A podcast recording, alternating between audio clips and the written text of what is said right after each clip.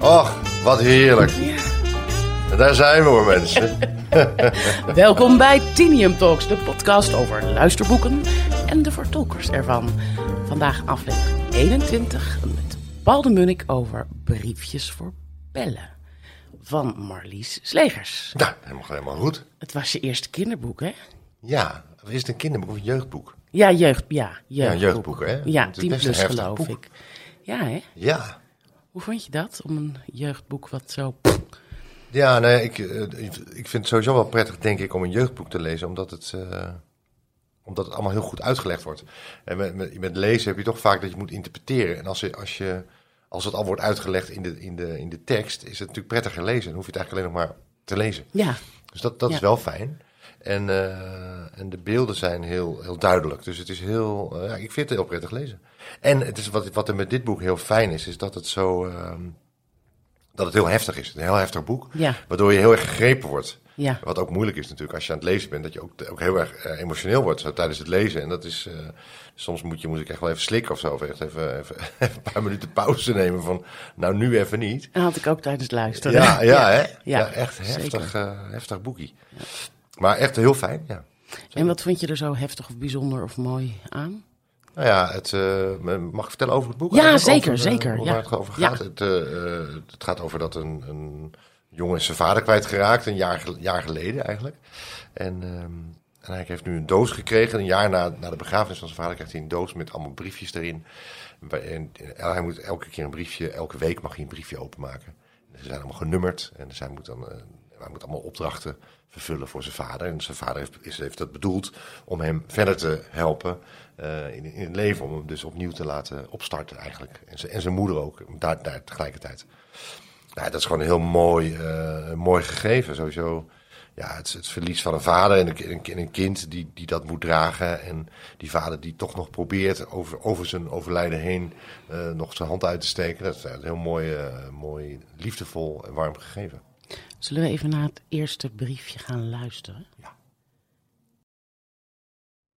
Hoi Pelle. Dit zijn de eerste woorden die mijn dode vader aan mij schrijft. Het is het briefje waar een 1 op staat. Mensen gaan nu eenmaal dood en mijn vader is daar geen uitzondering op. Een jaar geleden stierf hij. Sommige mensen gaan dood door een verkeersongeluk. Anderen zijn al dood voordat ze geboren worden. En weer andere mensen, maar dat zijn er niet veel, sterven pas na hun honderdste verjaardag. In Brazilië is laatst zelfs een man gevonden die 131 jaar oud zou zijn. En hij leefde nog. Sommige mensen gaan dood van de honger en anderen omdat ze te veel eten. Er zijn doden waar iedereen over praat. Die komen dan in de krant en op de televisie. Dan weet de hele wereld dat ze dood zijn. Dat zijn vaak popsterren of presidenten of helden. Mensen zoals Nelson Mandela. Maar ook onbekenden zoals de mensen die in de gebouwen in New York zaten toen daar een vliegtuig naar binnen vloog. Of mensen die bij een vliegtuigramp of aanslag omkomen terwijl ze op weg zijn naar hun vakantiebestemming. Er zijn mensen die sterven door heel kleine virussen en mensen die doodgaan door een enorm groot wezen, zoals een op hol geslagen neushoorn. Soms wordt iemand gedood door een haai. Heel veel mensen sterven door muggenbeten, raar, want mensen zijn wel altijd bang voor haaien, maar muggen zijn dus veel gevaarlijker. Er gaan meer mensen dood door muggen dan door terrorisme. En soms gaat iemand gewoon dood terwijl hij aan het tuinier is of op het strand loopt. Anderen, zoals mijn vader, worden ziek en sterven dan. Doodgaan hoort er nu eenmaal bij, zegt mam altijd. Niets om bang voor te zijn. Daar ben ik ook niet, maar ik vind doodgaan vooral erg stom, want het verpest je leven. Ik draai het papiertje om, hou het tegen het zonlicht en kijk of er niet meer op staat dan een 1 en hoi pellen. Misschien heeft papa met onzichtbare inkt nog iets opgeschreven. Dan zou ik vaag wat lichte letters moeten zien als ik het briefje tegen het raam hou, maar ik zie niets. De doos op mijn bed zit vol genummerde briefjes en kleine pakjes. Ik herkende de schoenendoos meteen toen mama aan mij gaf. Hier zaten de schoenen in die papa het laatst gekocht had. De bruine leren die nu bijna ongedragen in de schoenenkast staan. Ik had deze doos op mijn schoot gehouden in de auto toen we terug naar huis reden. Het was de laatste keer dat pap met ons was gaan winkelen. Hoe staan ze? Hij had met die schoenen op en neer gelopen in de winkel. Mam had alleen maar geknikt. De verkoper bukte om te voelen of paps tenen niet tegen de neus aanzaten. Wiebelt u eens met uw tenen? Oké, ze zijn een beetje ruim, vooral in de breedte, zei de verkoper. Is dit echt uw maat? Ja, zei mijn vader vastberaden. Al sinds ik zestien ben. Ze zitten prima. Ik neem ze. Ik had me afgevraagd of mijn voeten ook uitgegroeid zouden zijn over vier jaar. Ik hoopte het maar, ze waren nu al belachelijk groot. Sommige merken vallen gewoon wat groter uit, denk ik, opperde mam, terwijl ze haar schouders ophaalde. Dat was het niet, wist ik. Mijn vader kromp gewoon langzaam en hij weigerde dat te accepteren. Er was steeds minder papa. Waar de rest van hem bleef, begreep ik niet zo. Hij was mager aan het worden. Dat zag je aan zijn hand bijvoorbeeld. Zijn trouwring was verhuisd van zijn ringvinger naar zijn middelvinger en uiteindelijk naar zijn duim, die net wat vleesiger was. We hadden samen al een extra gaatje in zijn riem geslagen in het schuurtje achter in de tuin. Hij had me voorgedaan hoe dat moest. Vervolgens had hij me alles in het schuurtje laten zien, alsof hij een rondleiding door een museum gaf. Waar hij zijn spijkers en schroeven bewaarde. Altijd alles netjes bij elkaar houden, pellen. Dan kun je het terugvinden als je iets nodig hebt. Orde maakt het leven overzichtelijk. Kijk, schroefjes bij de schroefjes. En de zwarte spijkers hierin en die kleintjes daar. Waar de boormachine lag en de hamers. En waar ik allerlei soorten lijm kon vinden. Hij leerde me gaatjes boren en spijkers recht slaan. Hij leerde me hoe een waterpas werkte en hoe ik de luchtbel precies in het midden moest zien te krijgen en waarom dat belangrijk was. Anders rollen knikkers van het plankje af. Overal plakte hij briefjes op.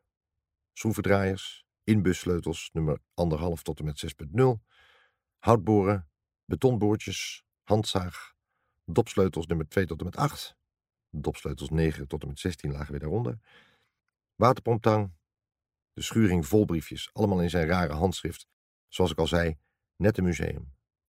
Datzelfde handschrift waarin nu hooipellen op het briefje staat. Ik snuffel aan de doos. Het ruikt vaag naar leer, een beetje zeep en papier. Alle briefjes die erin liggen zijn dichtgeplakt met een klein stukje doorzichtig plakband en op elk briefje staat een cijfer, alsof het een bingo-spel is. Ja. Goh, je kunt bijna het hele boek wel luisteren zo in de, in de podcast. Ja, hè? Eh, wat leuk is natuurlijk hiervan, is dat je... eh het is helemaal beginnen, is dit helemaal, hè? Ja. Dus eh, het is het eerste briefje, alleen maar hoi pellen staat erop. En dan moet hij natuurlijk wachten. Hij moet dan kijken of hij... Wanneer ga ik dan het volgende briefje openmaken? Hij moet eigenlijk een week wachten, geloof ik. Ja. En ehm, eh, het leuke is dat je ontzettend... al- Dat, dat er een ontzettende... eh, noem je dat? Al, al een soort uitweiding zit over waar het, waar het hele boek over gaat. Ook hoe, hoe Pelle in elkaar zit. Dus dat hij, eh, dat hij heel veel dingen weet. Hij heeft heel veel feitjes die hij dan die hij nodig heeft om, om, om eigenlijk door zijn emotie, eh, om zijn emotie in bedwang te houden. Gaat hij dus feitjes bedenken. Weet je, hij weet iets over die vliegen en over neushoorns. En heeft altijd allemaal, allemaal dat soort dingen over die mensen in de, in de, in de, in de World Trade Center. En, hij- dat, dat, dat, als een soort houvast eh, houdt hij zich aan feitjes vast. Hoe die vader het afscheid heeft genomen. hoe die, dus die vader wist het. Weet je. je krijgt heel veel informatie al hier in dit, in dit, in dit korte stukje. Dus dat is, heel, eh, dat is ook heel fijn om te lezen. Omdat dat je, dat je dan meteen, eh, meteen in het verhaal zit, als het ware. Dus dat is echt eh, dat is, heel leuk om terug te horen. Fijn. Ja. Ja, die feitjes die gebruikt hij enorm inderdaad ook om... Nou ja, eigenlijk voor alles. Ja. En om zijn emoties eronder, om het verdriet maar niet te voelen. Ja.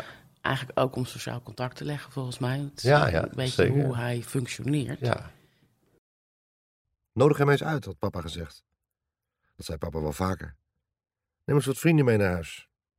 Maar dat had ik nooit gedaan, want Abdel bleef een soort schim in de klas die je makkelijk kon vergeten. Alleen toen mijn vader was overleden kwam Abdel langs. Hij had geweigerd naar binnen te komen, maar hij had de plek waar zijn hart zat aangetikt en zijn hoofd gebogen. Zo was hij even blijven staan.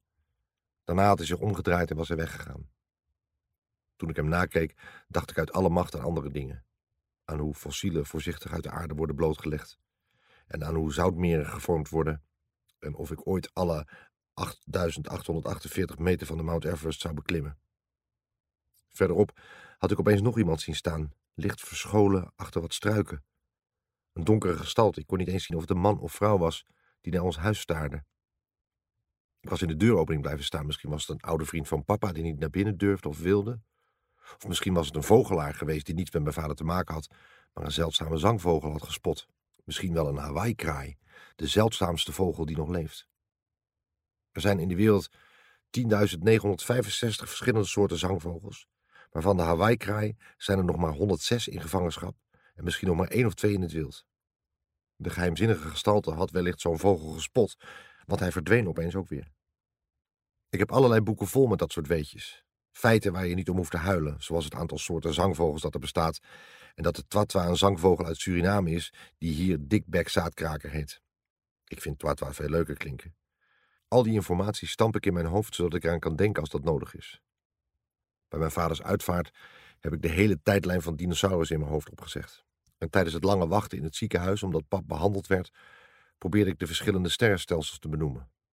Toen ze me vertelde dat pap ziek was, dacht ik aan hoeveel slaap olifanten nodig hebben en hoe mieren een stad onder zand kunnen bouwen en dat er in de insectenwereld vaker een koningin dan een koning is.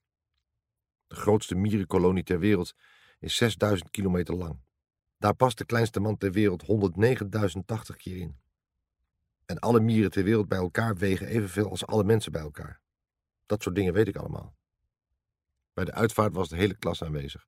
Dat had pap vast fijn gevonden dat er eindelijk vrienden van mijn klas kwamen. Sommige ouders kwamen ook mee. En de schooldirecteur, de conciërge en alle leerkrachten bij wie ik in de klas had gezeten. Mijn voetbalteam was er, behalve Jonas, die op vakantie was.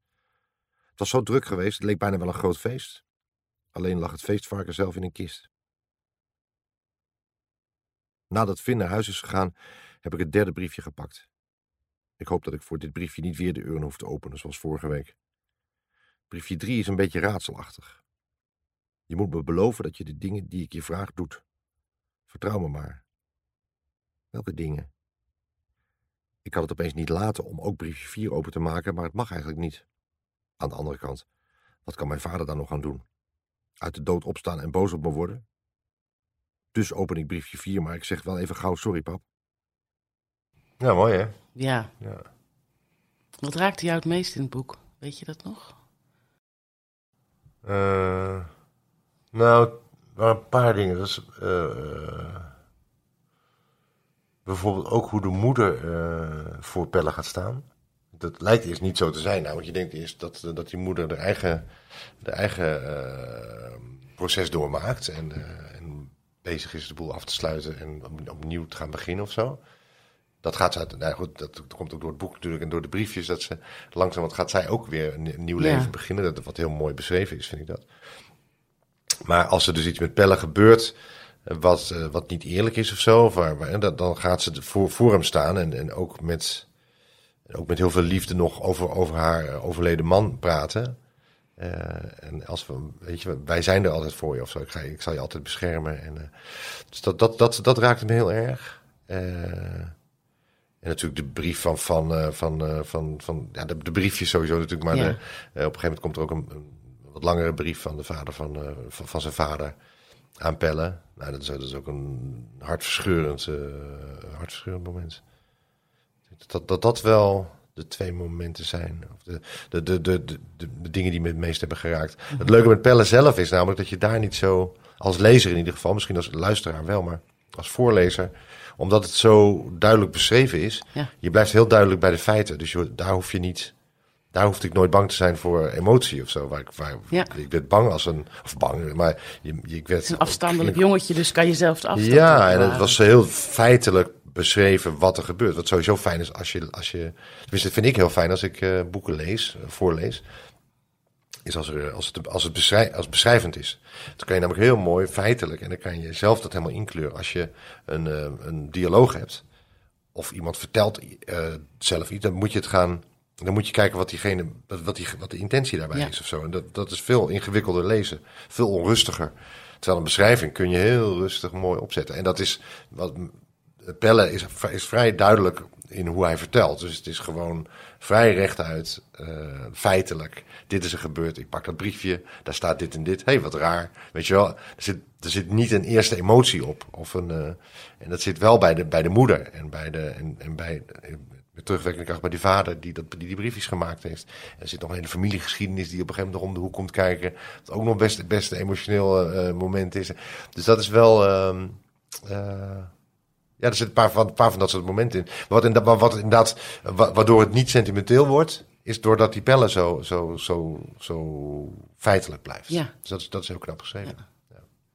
En het moment dat Eva en Stomp naar zijn kamertje komen, Oh, dat... Ik Ja, dat was ook niet. dat best. ik echt dat was ook niet best. zo erg.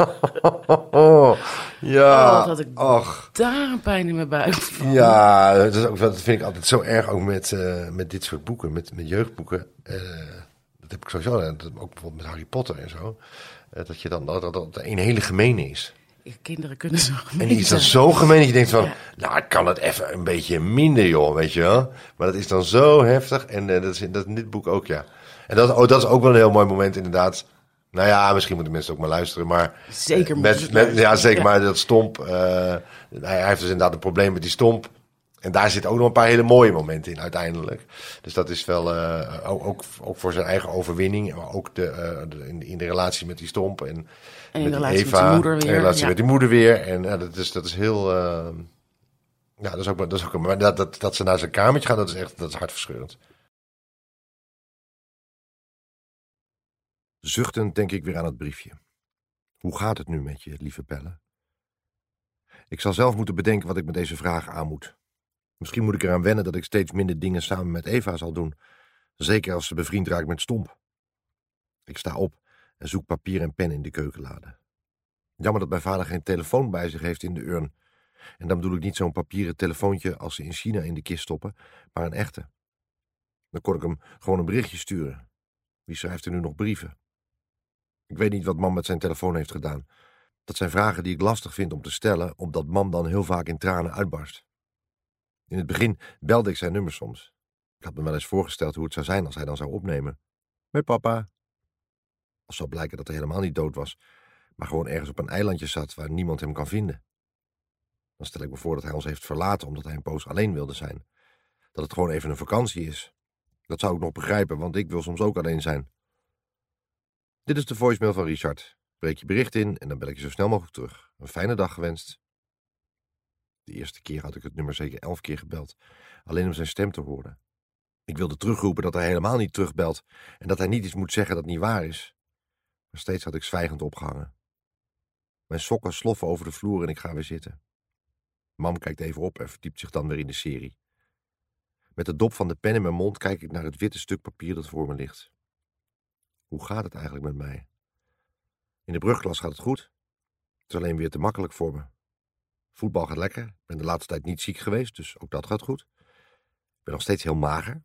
Dan zakken lopen de botjes. Maar mam zegt dat het wel goed komt als ik ouder word. Dan krijg ik meer spieren. Ik heb geen groeiachterstand. Kleinste man ter wereld is nog net geen 55 centimeter. Wanneer je drie op elkaar zou stapelen, ben ik bijna even lang. Groeien gaat dus ook voorspoedig. Als je het zo bekijkt, gaat alles goed. Van de buitenkant dan. Na nog eens een kwartier nadenken en kauwen op de dop, heb ik een antwoord opgeschreven. Hoi pap. Het gaat niet slecht, maar ook niet goed. Het is alleen niet meer leuk zonder jou. Met oud en nieuw heb ik mijn hand verbrand aan een vuurlont. Ik was bezig de lont uit elkaar te halen om te kijken hoe hij in elkaar zat, maar dat ging fout. Je ziet nog een roze vlek bij mijn duim. En verder is het vooral stom dat jij er niet meer bent. Soms ben ik boos op je. Zo enorm kwaad. Sorry. Wist je trouwens dat ze in Sulawesi, dat is een eiland van Indonesië, levensgrote poppen van de doden maken en die dan op een speciaal balkon plaatsen? Daar waken de poppen over de overledenen die achter hen begraven liggen. Ik heb even nagedacht of mam dat ook fijn zou vinden als ik een pop zou maken die eruit ziet zoals jij, maar ik denk eerlijk gezegd van niet. Je staat nu wel in de woonkamer, op het kastje naast de televisie, maar je bent het tegelijkertijd helemaal niet. Het voelt alsof mama en ik in een kokon zitten. Je weet wel, zoals rupsen. Alleen zitten die gemiddeld elf dagen opgesloten in hun kokon. Dan worden het vlinders. Maar er is ook een soort bij wie het vier jaar duurt. Ik wacht al een hele poos tot we weer ontpoppen. Maar mam vindt haar kokon fijn, denk ik. En ze weeft hem dikker en dikker. Soms stik ik bijna. Ik mis je. Dag. Bellen. Dankjewel. Graag gedaan. En eh, dat, dat de mensen het maar gaan luisteren. Jazeker. Ik zat zo terug te luisteren en dan wil ik eigenlijk zelf ook wel gaan luisteren. Gelijk? Gek genoeg. Ja. Nee, ik vind, dat, is, dat is wel heel leuk, toch? Dat je bij jezelf denkt, oh, Ja, want eigenlijk denk ik altijd van, oh, ik wil het nooit meer terugluisteren. Want ik, ik ben niet per se een ontzettende fan van mijn eigen stem. ja. Maar, maar als ik dat dit hoor, denk ik, oh, En heb je een idee waardoor dat komt? Of? Nee, nou, omdat ik, ik vond dit ook wel echt een heel fijn boek. Ik, bedoel, Ja. het, ik heb alles leuk om te lezen, weet je wel. Dus het, ik vind het heel leuk om te doen. Maar eh, dit boek was, ik- was ik ook echt wel helemaal in. Dat Ja. ik, ook echt, dus ik zat een tijd tussen mijn eerste en mijn tweede sessie hiervoor. En eh, dat ik ook bepaalde een beetje, weet je wel. Dat, ik wil eigenlijk ook wel weten hoe het verder gaat. Ik wil weten wat er gaat gebeuren. En eh, ik, wil, ik wil weten hoe het met pellen verder gaat. Dus Oh, dat- goed. Ja, ja, ja. Dus dat, dat, is een, dier, een, dierbare, een dierbaar voorleesboek. Fijn. Dankjewel. Graag gedaan.